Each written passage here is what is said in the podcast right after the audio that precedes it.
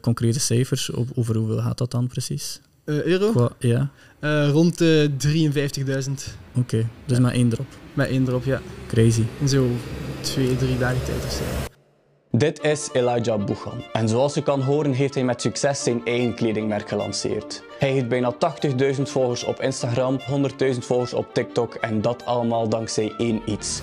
Waardevolle organische content. Hij slaagt erin om van zijn volgers een community te maken en om zijn merk om te vormen tot het begin van een cultuursymbool. Ik nodigde hem uit om dieper in te gaan in zijn creatief avontuur en uit te zoeken hoe hij sociale media inzet om een impact na te laten. Welkom in de eerste aflevering van de Contre-Courant podcast. Een podcast waarbij we de nieuwe generatie content creators, marketing en sociale media ontdekken.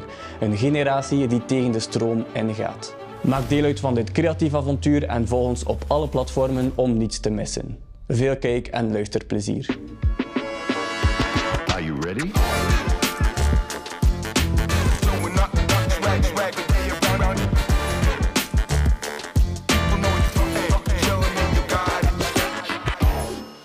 Elijah, welkom. Je bent Merci. de allereerste guest op onze podcast. Het kan alle kanten uitgaan. Mhm. We gaan ons best doen om het eh, zo goed mogelijk te laten verlopen. De eerste rubriek is Creators ID. Dus dat, dat zijn gewoon korte vragen waar je kort of lang op mag antwoorden.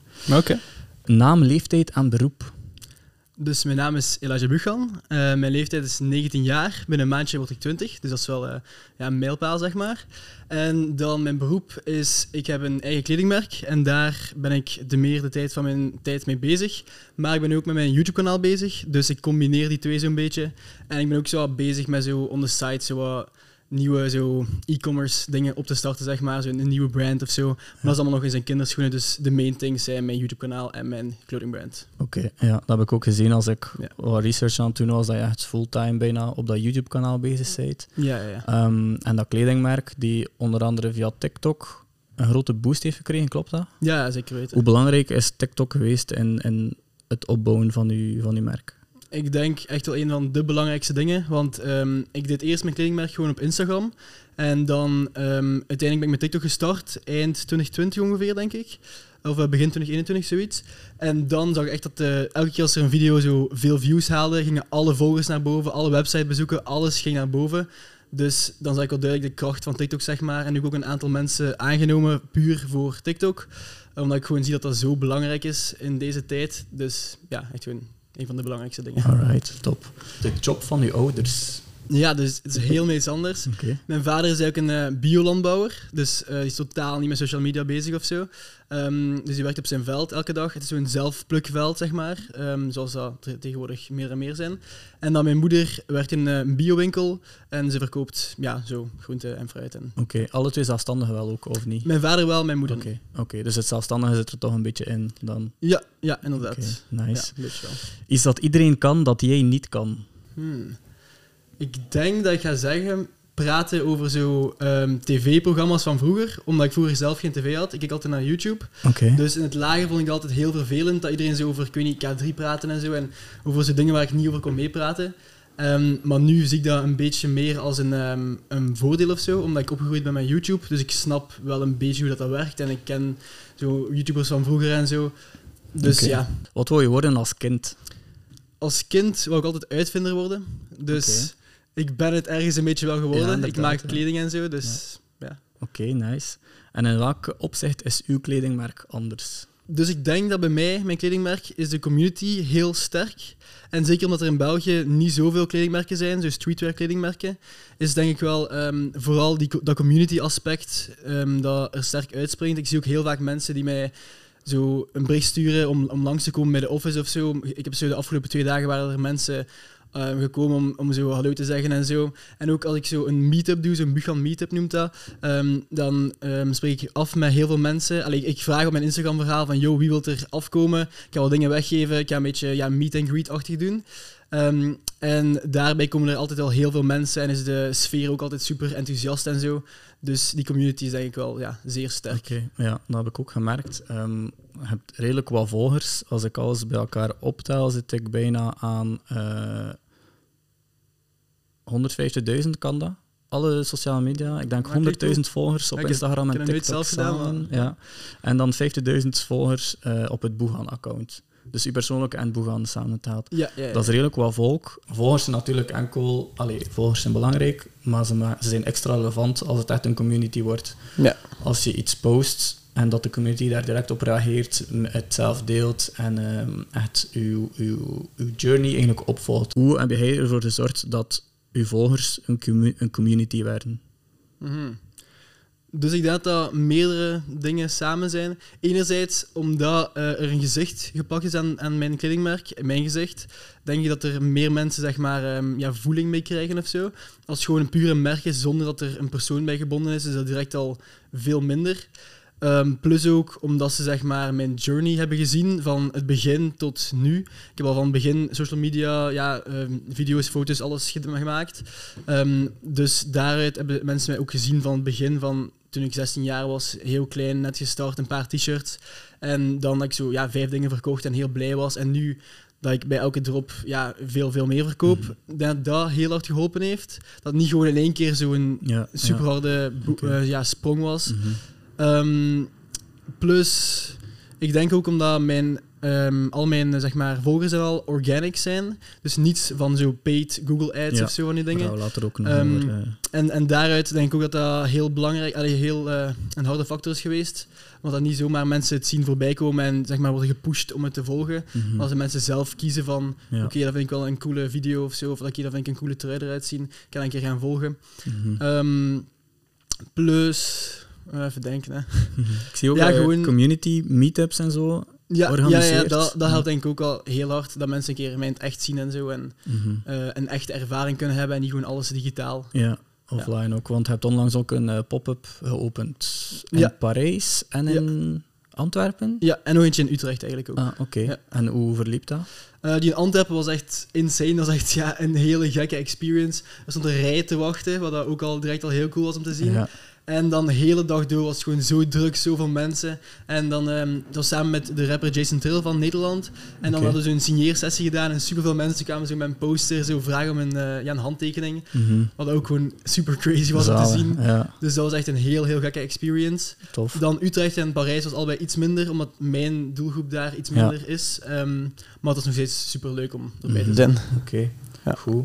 Ehm, ja, ja, even, even gehad over die community. Dat is ook iets dat we vaak terugzien bij creators ehm, van vandaag. Ik zeg nu, om een groot voorbeeld te geven, MrBeast. Hm.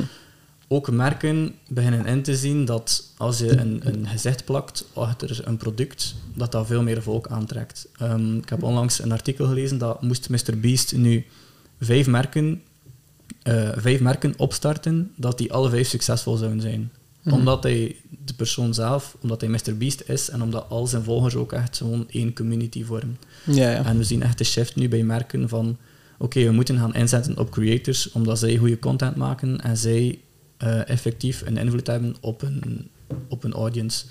Het is veel moeilijker voor een audience om ehm, zich te gaan identificeren met een, een product of de naam van een merk dan met een persoon bijvoorbeeld. Dus Ja, ik denk precies. dat dat ook een grote impact heeft gehad bij u, om van altijd vanuit jezelf het merk eh, te lanceren en zo. We gaan een keer terug, uw, uw volledige journey als uh, Boegan en uw kledingmerk, waar is dat begonnen? Dus dat is begonnen toen ik 16 jaar was. Ehm, ik was een grote fan van zo streetwear brands, zoals Supreme, zoals Yeezy, zoals Palace, zoals Off-White. Maar ik kon ze niet betalen, omdat dat gewoon ja, heel duur is. En ik was 16, ik had geen werk of zo, ik had geen geld. Ehm, maar dan dacht ik van, weet je wel, als zij zo'n coole dingen kan ma- kunnen maken, kan ik misschien ook wel iets maken dat ook wel cool is. Ehm, dat ik vooral van Virgil Abloh een beetje inspiratie van genomen, Ja. omdat hij zei, hij zei op zo'n interview of zo van create your own thing, in plaats van dat we gewoon ja, dingen gaan kopen van andere brands. En dan daaruit heb ik gewoon geprobeerd mijn eerste dingen te maken. Ik heb ook mijn, een van mijn eerste dingen hier mee, om het zo meteen te tonen. Oké. Ehm, en, ehm, wacht, ja. en, en dan daaruit heb ik mijn eerste dingen gemaakt en dan zo verder blijven gaan en doorgegroeid. De eerste dingen waren uiteraard eh, niet echt succesvolle items of zo, dat was gewoon om te proberen. En dan uiteindelijk blijven, ja, zeg maar, alles wat ik verdiende terug erin steken, zeg maar. En zo groeien en groeien. En nu uiteindelijk eh, ja, dingen, nieuwe dingen uitproberen, zoals de schoenen, die zijn dan heel goed gegaan. Dan een aantal items zijn minder goed gegaan, maar daar leer je allemaal uit. Ja, En nu gewoon blijven dingen uitbrengen. Dat vind ik denk ik de belangrij- het belangrijkste, dat je Mhm. gewoon blijft gaan en blijft dingen uitbrengen. ja, Want ik zie heel vaak dat mensen een kledingmerk willen starten. Dat is wel iets dat vaak gebeurt, zeker Mhm. onder de jongeren. Maar dan eh, stoppen ze na een maand of twee omdat ze zeggen van ah nee, die hoodie is niet verkocht geraakt, ik, ik Ja. skip het. Maar doorzetten is het belangrijkste. ja. Hoe moeilijk is het om elke keer met nieuwe producten, designs te komen en opnieuw ehm, te heruitvinden, zogezegd, Mhm. zodat de mensen zo blijven kopen? Ja, in het begin is het heel moeilijk, omdat je nog wat je draai moet vinden en zo. Je moet wel kijken wat je merk maakt. Maar dan uiteindelijk, eh, vanaf dat je zo al een tijdje bezig bent, een jaar of zo, dan kan je al weten van oké, dat zijn een soort kleuren waarmee dat ik werk, dat, zijn, dat is een soort logo's waarmee ik werk en zo. Dus nu heb ik het standaard Buchan logo, dat ik bijna altijd Ja. op alles gebruik. Om, en dat schept ook een soort eenheid en ook, het maakt ook voor mezelf veel gemakkelijker dat ik niet elke keer een nieuw logo moet Mhm. ontwerpen daarvoor en al. Ehm, dus vanaf een tijd wordt het veel gemakkelijker. En nu heb ik ook iemand aangenomen die mij helpt daarmee. Dus dat Ja. maakt het nog makkelijker ook. Oké, Ja. goed. Dat heb je het net al even gezegd, maar alle content die je Hm. maakt, en je maakt veel content omdat dat super belangrijk is voor je merk, daar gaan we straks ook nog over praten. Alle content die je maakt is organisch. Nooit Ja. betaald voor eh, Facebook of Instagram advertising of zo. Nee, nog nooit. Crazy. Ja. Is dat een bewuste keuze of had je zelf al door, dat je mensen volgt zoals Gary Vee of eh, Alex Hormozy of zo, Mhm. ehm, had je zelf door van organic is the way tegenwoordig, met TikTok onder andere? Ehm, ja, ik ben gewoon be- begonnen organic en uiteindelijk gewoon blijven doordoen.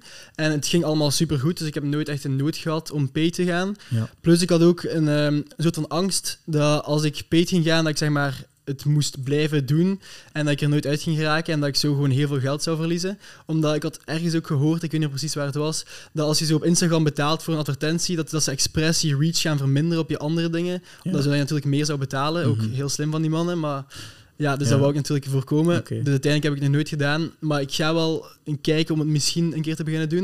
Want ik zie de andere brands het ook doen, die zo, ja, waar ik wel naar opkijk. Ja, oké. Maar ik weet het niet, tot nu toe nog niet. Oké. Ik wil even eh, dieper ingaan over eh, het content creatiegedeelte. Mhm. Volgens mij, content is king, sowieso, en community is queen. Maar ehm, hoe ga je te werk om leuke content te maken op sociale media? Mhm. Ja, dus ik denk een heel belangrijke factor is gewoon zelf kijken naar wat jij cool vindt en wat jij interessant vindt. En daar heel veel inspiratie van nemen en gelijkaardige dingen proberen doen. Ja. En ook, ehm, denk ik, gewoon het vaak proberen. Niet zo één keer per maand en dan zeggen Mhm. van, ah nee, dat werkt niet. Ehm, maar gewoon echt vaak content maken tot je zo vindt wat jouw ding is. Bij mij is nu vooral enerzijds zo ondernemerachtige content en anderzijds over mijn kledingmerk uiteraard. Ja. Ehm, dus dat werkt voor mij heel goed. Dus ik, ik vind dat je zelf een beetje moet kijken wat voor jou werkt. En zo, zeg maar ook je unfair advantage gebruiken. Dat is zo een, een boek ook, een best wel bekend boek. Ehm, en daaruit, ehm, ja, dus een unfair advantage is eigenlijk gewoon dat je ziet van wat heb jij dat uniek is. Als je een kledingmerk hebt, zoals ik, dan kan je daarover heel veel content maken. Maar als je, ik weet niet, ja, iets eh, in een super moeilijke schoolrichting studeert, kan je daarover content maken. Ja. Gewoon kijken wat jou uniek maakt en daaruit heel veel content kunnen Mhm. proberen maken. Ehm, en ehm, ja, vooral die twee dingen. Gewoon kijken wat andere mensen doen en zelf veel dingen proberen. Oké, ja, Ja. ga ik helemaal mee akkoord. Wel, vaak merken bijvoorbeeld gaan content maken wat, wat, wat, wat zij denken dat belangrijk is, maar ze denken, niet ook, ze denken ook niet aan de, aan de audience. En Mhm. het is eigenlijk een beetje de sweet spot vinden tussen waar dat hij goed in zit, wat dat je echt leuk vindt, en wat dat er werkt op sociale media en dat de Ja, audience eh, aantrekt. Je hebt nu al redelijk wat producten gedropt met Boegan. Mhm. Hoe verloopt een drop van begin tot einde? Mhm. Ja, een succesvolle drop. Mhm. Ja, dus ik heb een quote bij Buchan, ideas turned into physical form. Dat is zo de, de slogan van Buchan. Ehm, en daaruit werken wij een beetje eigenlijk. Dus ehm, eerst natuurlijk een idee hebben. Dus eh, bijvoorbeeld, ik wil een schoen maken. Ehm, en dan uiteindelijk kan ik denken van, oké, hoe, moet, hoe moet ik dat doen? Hoe kan ik dat doen? En dan uiteindelijk kijken van hoe dat, dat werkt. Eh, zo suppliers contacteren en zo. Ja. En dan uiteindelijk, als je het hebt gevonden, dan eh, ja, samples maken en dan kijken of de sample goed is. Als ze goed zijn, dan kan je direct al een grote order bestellen. Of je kan het op pre-order doen, dat mensen eerst bestellen en dan dat je het allemaal bestelt. Dat is meestal bij heel dure items dat je dat doet. Ehm, of je kan gewoon een grote productie doen en dan verkopen. Ehm, en als het sample niet goed is, uiteraard blijven tweaken tot het wel goed is. En als het dan product is dat je al een keer hebt gemaakt, zoals mijn schoenen, dan weet ik van oké, dat is een goede producent daar. Ehm, ik moet gewoon een nieuwe colorway maken. Dan sowieso altijd doe ik een sample, omdat ik zeker wil zijn dat het goede kwaliteit is uiteraard. En dan een grote productie maken. En dan begint de content. Oftewel de content misschien met de sample al, oftewel wanneer ik de grote bulk heb. Hangt vanaf welk item het is. Ja. Ja. Oké, interessant. Wat is de meest succesvolle drop geweest tot nu toe? Dat was vorig jaar eh, de Moonlight Bunks. Dat zijn... eh heb ik ze aan? Nee, ik heb ze niet aan. Ah. De, de, de, blauwe, de blauwe Moonlight Bunks, die waren echt die waren insane. Ik had een, eh, een giveaway gedaan samen met Gerben Tuurlings, ook een influencer. Ja, En ja, die waren echt, echt crazy gegaan. Ik heb 450 paar in één dag verkocht op de website. Oké, Dat en over concrete cijfers, over hoeveel gaat dat dan precies? Euro? Qua- ja, rond de 53.000 oké. Dus Ja. maar één drop. met één erop, ja. Crazy, In zo twee, drie dagen tijd of zo, ja. crazy. En Ja. dus dat, is, dat zijn degenen die in donker eh, licht geven? Ja, ook? inderdaad. Oké, Ja, nice, die heb ik inderdaad zien passeren. Eh, onder andere ook via de samenwerking die je hebt met Herben. Ja. Maar ik scrollde op Instagram, ik zag ook dat Arno de Kit ertussen stond, dat je iets met Acid, allee, je schoen had gegeven aan Acid. Mhm. Ehm, hoe belangrijk is die samenwerking voor je merk? Is dat iets dat je, dat je echt naar streeft en dat je denkt dat dat je merk een grote boost kan geven? Of... Ehm, ja, zo die samenwerking met influencers, dat een van de belangrijkste dingen is. Vooral ook omdat ehm, het is niet per se dat het directe impact heeft, dat, dat ik die foto post en dat er 100 mensen het kopen of zo. Maar over de lange termijn, ehm, dan zien mensen wel van oké, dat is een legit merk. Eh, ook mensen die ik cool vind, zoals Arno de Kid of zo, die dragen het of zo, of, of, die, ehm, of die houden het vast of iets. Ehm, dan associëren ze die mensen met mijn merk. En natuurlijk geeft dat natuurlijk over de lange termijn een heel goede ehm, naam of zo. Ja. Net als de reden dat parfumbrands met zo heel bekende acteurs en al samenwerken, is dat een beetje Mhm. dezelfde manier op een kleine schaal. Yes. Ben je redelijk ehm, specifiek in de samenwerking die dat je doet? Of ehm zeg je van een influencer met zoveel volgers, dat is oké? Ehm, het is zo'n beetje een combinatie. Oké. Dus ik zie dat ze, dat ze ja, heel veel volgers hebben, is dat natuurlijk een heel grote factor, dat is heel belangrijk. Ehm, maar ik kan natuurlijk ook niet zomaar aan iedereen met veel volgers eh, allemaal gratis dingen zitten uitdelen. Plus ook mensen met veel volgers vragen meestal ook geld als ik eh, samenwerk met hun. En ik heb ook nog nooit een influencer betaald om samen te werken. Ik geef hen altijd gewoon een gratis product, omdat ik zeker wil zijn dat zij het echt nice vinden. Dat, niet, dat ze het niet gewoon doen voor het geld, want dan gaan ze het natuurlijk ook nooit dragen, Mhm. nooit een extra promo geven of zo. Ja, En dan voelt het ook iets meer fake of zo. Dus daarom doe ik het liever op die manier. oké. Ja. Interessant. Je zei, hoe lang zijn je al bezig met Boegan? Dat is 3,5 jaar. Wat zijn zo de uitdagingen die je in die 3,5 jaar al, allee, de grootste uitdagingen die, die je hebt meegemaakt? Mhm. Even denken, hè. Als er zijn natuurlijk. Ja, ja, ja. Natuurlijk, er zijn, er zijn veel uitdagingen. Maar er is niet per se één die er direct uitspringt. Het is vooral gewoon elke keer een nieuwe challenge die ik moet overwinnen, zeg maar. Eh, enerzijds is, het dan zo ehm, ja, hoe, hoe ik mijn website moet maken. Dat is een van de eerste dingen. Ik wist dat ik had er nog, nog niets van ervaring van, dus. Dat proberen doen. En dan uiteindelijk, eh, ja, oké, hoe moet ik hier mensen gaan aannemen? Hoe moet ik een BTW-nummer hebben? Eh, zo van, ja, van alle uitdagingen. Mhm. Maar dat vind ik wel eigenlijk superleuk als ondernemer dat je zo'n dingen kan meemaken. Ik vind dat op zich echt ja, super tof om heel tijd nieuwe dingen te Ja. moeten oplossen. Jezelf opnieuw heruitvinden. En Ja, ja, precies. gewoon op een autodidacte manier alles gaan opzoeken op YouTube en leren. Ja, ja, precies. Ja. Heb je tips voor mensen die, voor jongere mensen die naar je opkijken en die hun eigen kledingmerk zouden willen starten? Want het is denk ik een heel gesatureerde markt. Hm. Met TikTok onder, onder andere heb ik het gevoel dat heel veel eh, mensen een eigen kledingmerk willen starten. Niet veel mensen ehm, kunnen dat doen op een succesvolle manier. Heb jij, een, jij hebt dat wel kunnen doen. Heb jij een tip voor die mensen die dat ook willen doen? Hm. Ja, ik heb het net al kort aangekaart. Mijn nummer 1 tip is gewoon starten en gewoon doorzetten eigenlijk. Ja. Ik denk dat dat simpeler klinkt dan gedaan is, maar dat is wel echt gewoon het beste wat je kan doen. Is gewoon starten en proberen. En ook jezelf telkens verbeteren, zeg maar. Als je merkt dat iets minder goed werkt, gewoon niet meer dat doen. En als je merkt dat iets beter werkt, gewoon meer van dat doen. En dat is denk ik dus, dus, ja, het beste advies dat ik kan geven. Oké. Nog een laatste vraag, dan gaan we over naar een volgende rubriek. Storytelling. Is dat iets dat is heel belangrijk in contentcreatie op sociale media? Ook merken beginnen meer en meer te beseffen dat storytelling belangrijk is. Hoe pas jij dat toe op jouw kledingmerk Mhm. in de content? Ehm, ik denk er eerlijk gezegd niet altijd even hard over na. Ik denk wel uiteraard bij een collectie van dat moet allemaal bij elkaar passen. Bijvoorbeeld nu ga ik een back-to-school collection binnenkort releasen.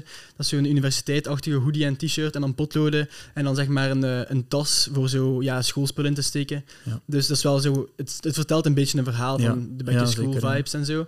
Maar echt zo lange termijn storytelling doe ik niet echt. Alleen niet bewust, zeg maar. Mhm. Ehm, maar uiteraard omdat ik zeg maar ehm, een beetje word gezien als die guy die ehm, een van een klein merkje gestart is en nu al iets redelijk groot heeft opgebouwd, is dat een story al op zich eigenlijk. Ja. Dus het, het, het vormt zichzelf een beetje. Ik Ja. moet er niet per se heel hard over nadenken.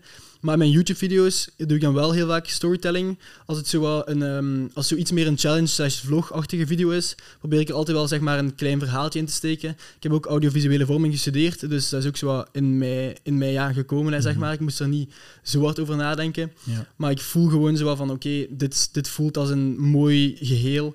En dat, dit past niet of zo. Mhm. Dus ja, op YouTube-video's doe ik het wel redelijk vaak. Oké, ehm, we zijn was even bezig over je studies. Je bent gestopt met school, klopt Ja. dat? Inderdaad. Ehm, is dat omdat school u niet lag? Of omdat je zag dat Boegan succesvol werd? Dat je dacht, oké, nu kan ik fulltime met mijn merk bezig zijn? Wat was zo de, de gedachtegang daarachter? Mhm.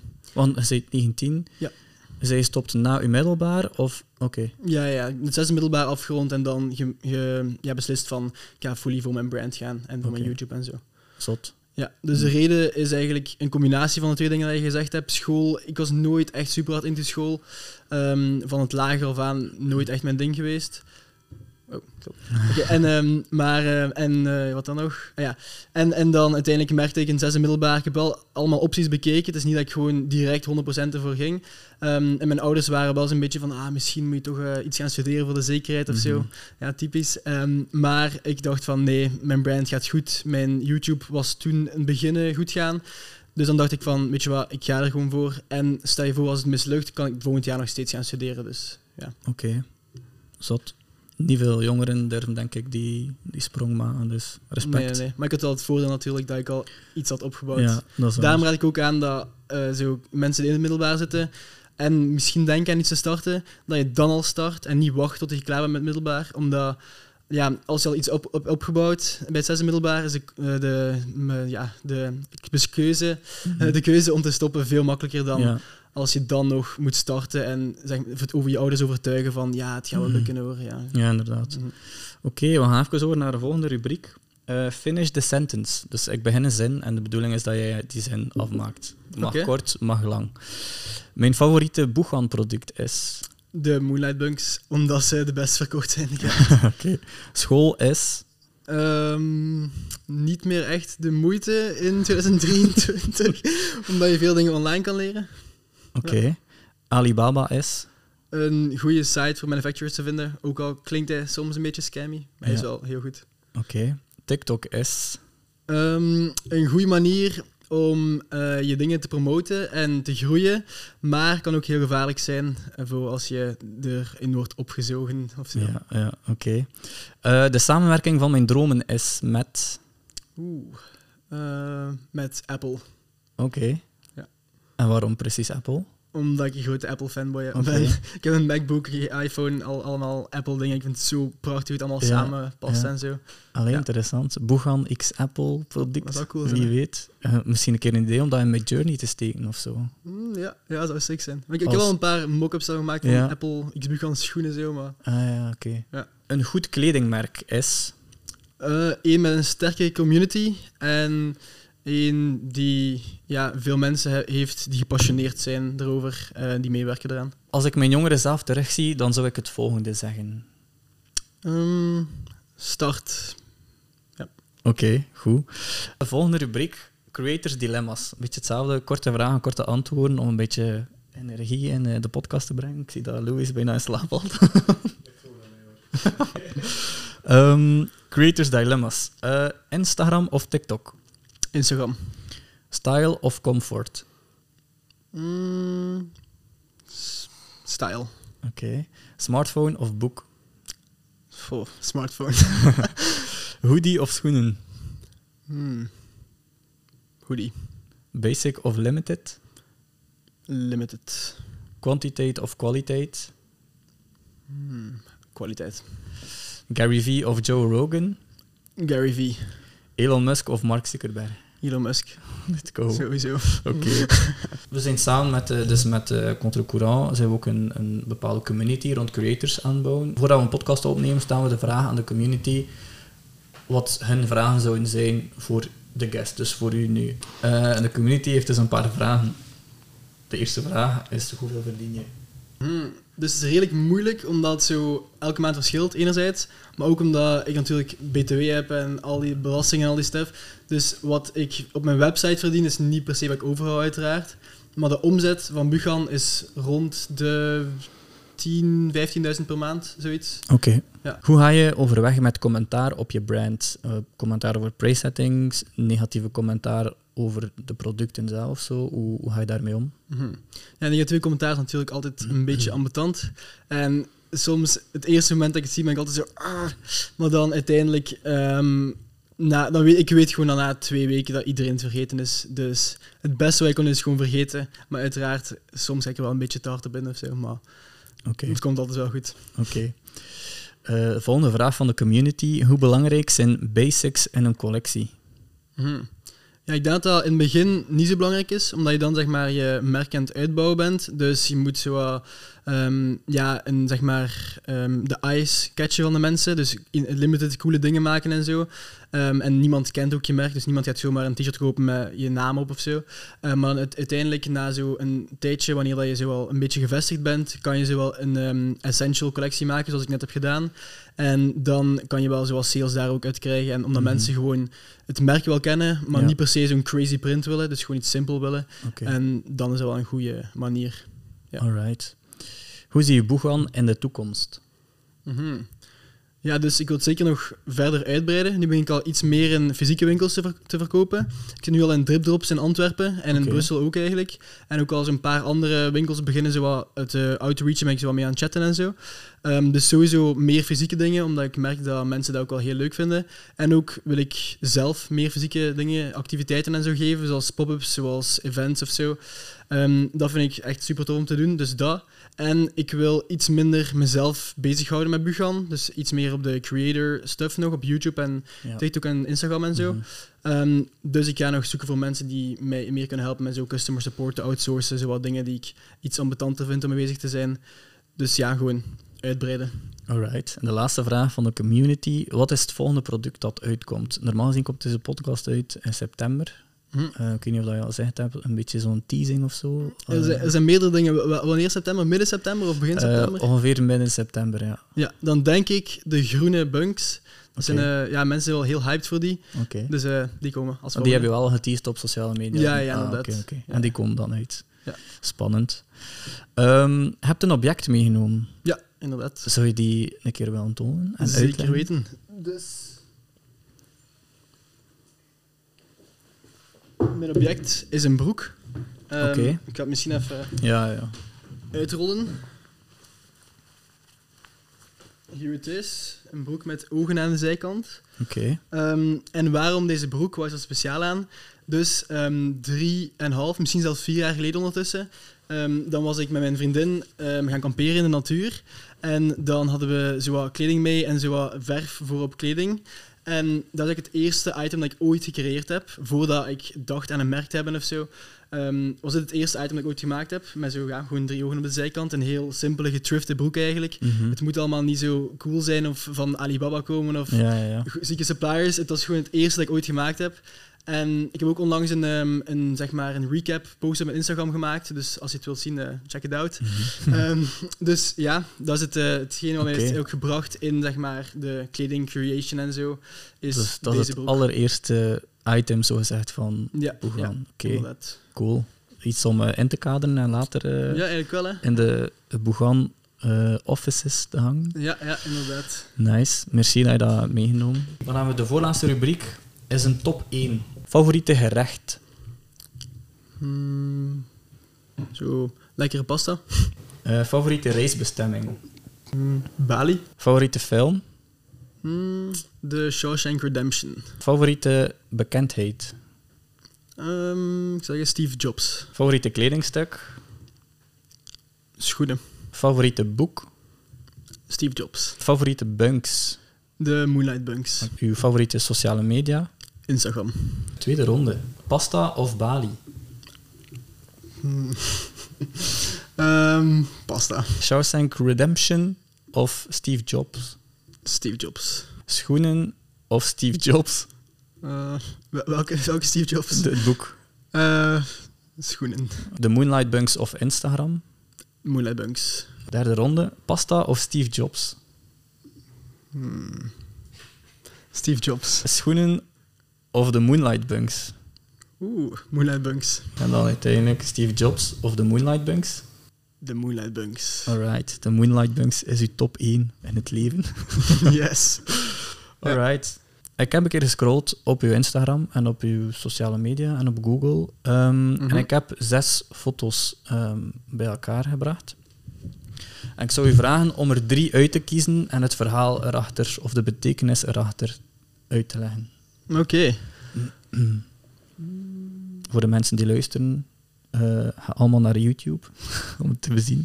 Ik zou zeggen, deze hier. Oké, Dan eh, die bij zit ook. oké, En die daar. oké. Ja. Misschien begin met deze. Wat is verhaal erachter? Dus de eerste foto is ik die in mijn office sta, voor de mensen die het niet heel goed kunnen zien.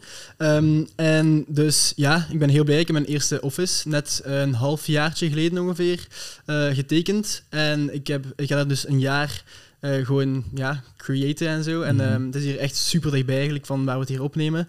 Eh, en ik ben heel blij. Ik wil altijd al zo een beetje een eigen creative space hebben of zo. Ik heb Ja. ook al gedacht aan misschien echt zo alleen te gaan wonen. En, want nu woon ik nog thuis bij mijn ouders. Ehm, en daar een creation space te hebben, maar ik had het echt snel nodig. Dus ik, ik had dat gevonden bij de office in het midden van Gent. Echt perfecte plaats. Ja, En ik dacht van, let's do it. Ehm, Nice. Dus ja, daar ben ik, zit ik nu elke dag bijna mijn dingen te doen. En daar neem ik ook mijn podcast op, daar neem ik mijn YouTube-video's op. Daar komen mijn employees van Buchan allemaal werken en zo. mhm. Dus het is echt wel zo één creative, nice space die ik gecreëerd heb, dat ik altijd al een beetje wou hebben. oké, zalig. Eh, misschien deze foto nu? Ja, dus de tweede foto is eh, op mijn graduation day, zeg maar. Mhm. Dus eh, de laatste dag van het zesde middelbaar. En het is samen met mijn vriendin ook, Mona. Ik ben nu ondertussen al eh, bijna vijf jaar met haar samen. Mooi. Dus ehm, ja, dat is ook wel cool. En zij is samen ook gegraduate met mij eigenlijk, wat dat niet volgens het traject was, omdat zij een jaar jonger is, dus een jaar jonger zat op school.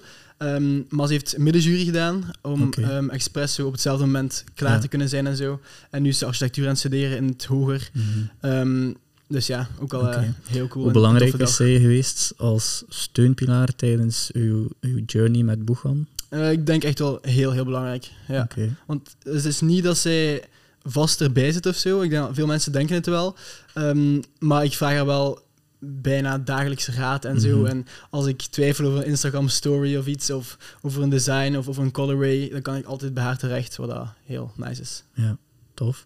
En dan de laatste foto was die met Acid, denk ik. Ja, Ja. inderdaad. De laatste foto met Acid, dat is de dag dat ik hem eh, schoenen gaf. Ehm, ik heb de schoenen gemaakt voor YouTuber Acid.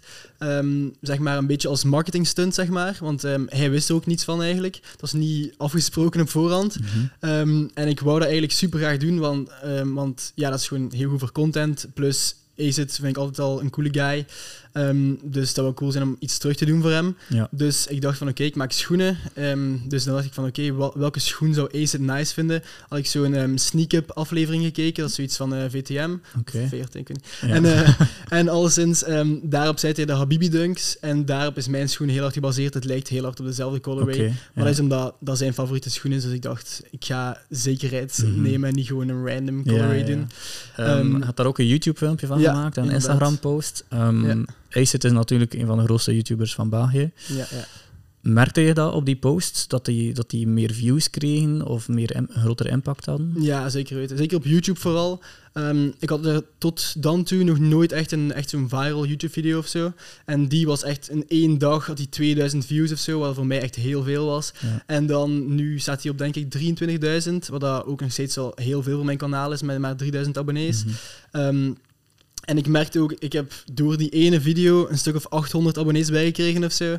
Dus wat ook echt gewoon insane was, Ja. verdubbeld in zo'n paar dagen tijd. Mhm. Dus Ja. dat, dat merkte ik wel dat dat heel, heel goed ging. Plus ook de Instagram-posts en de TikToks ook allemaal heel veel views uiteraard. Bedankt om te komen, om eh, zo openlijk alles te delen met ons. Alles staat eh, in de description, de socials van Boegan en ehm, zijn website ook. Dus ga zeker checken. Merci om te komen. Mhm, Alright, merci Tom voor mij te hebben. Ja, Graag dat was een gedaan. leuke ervaring. Merci. Yes, sir. Hey.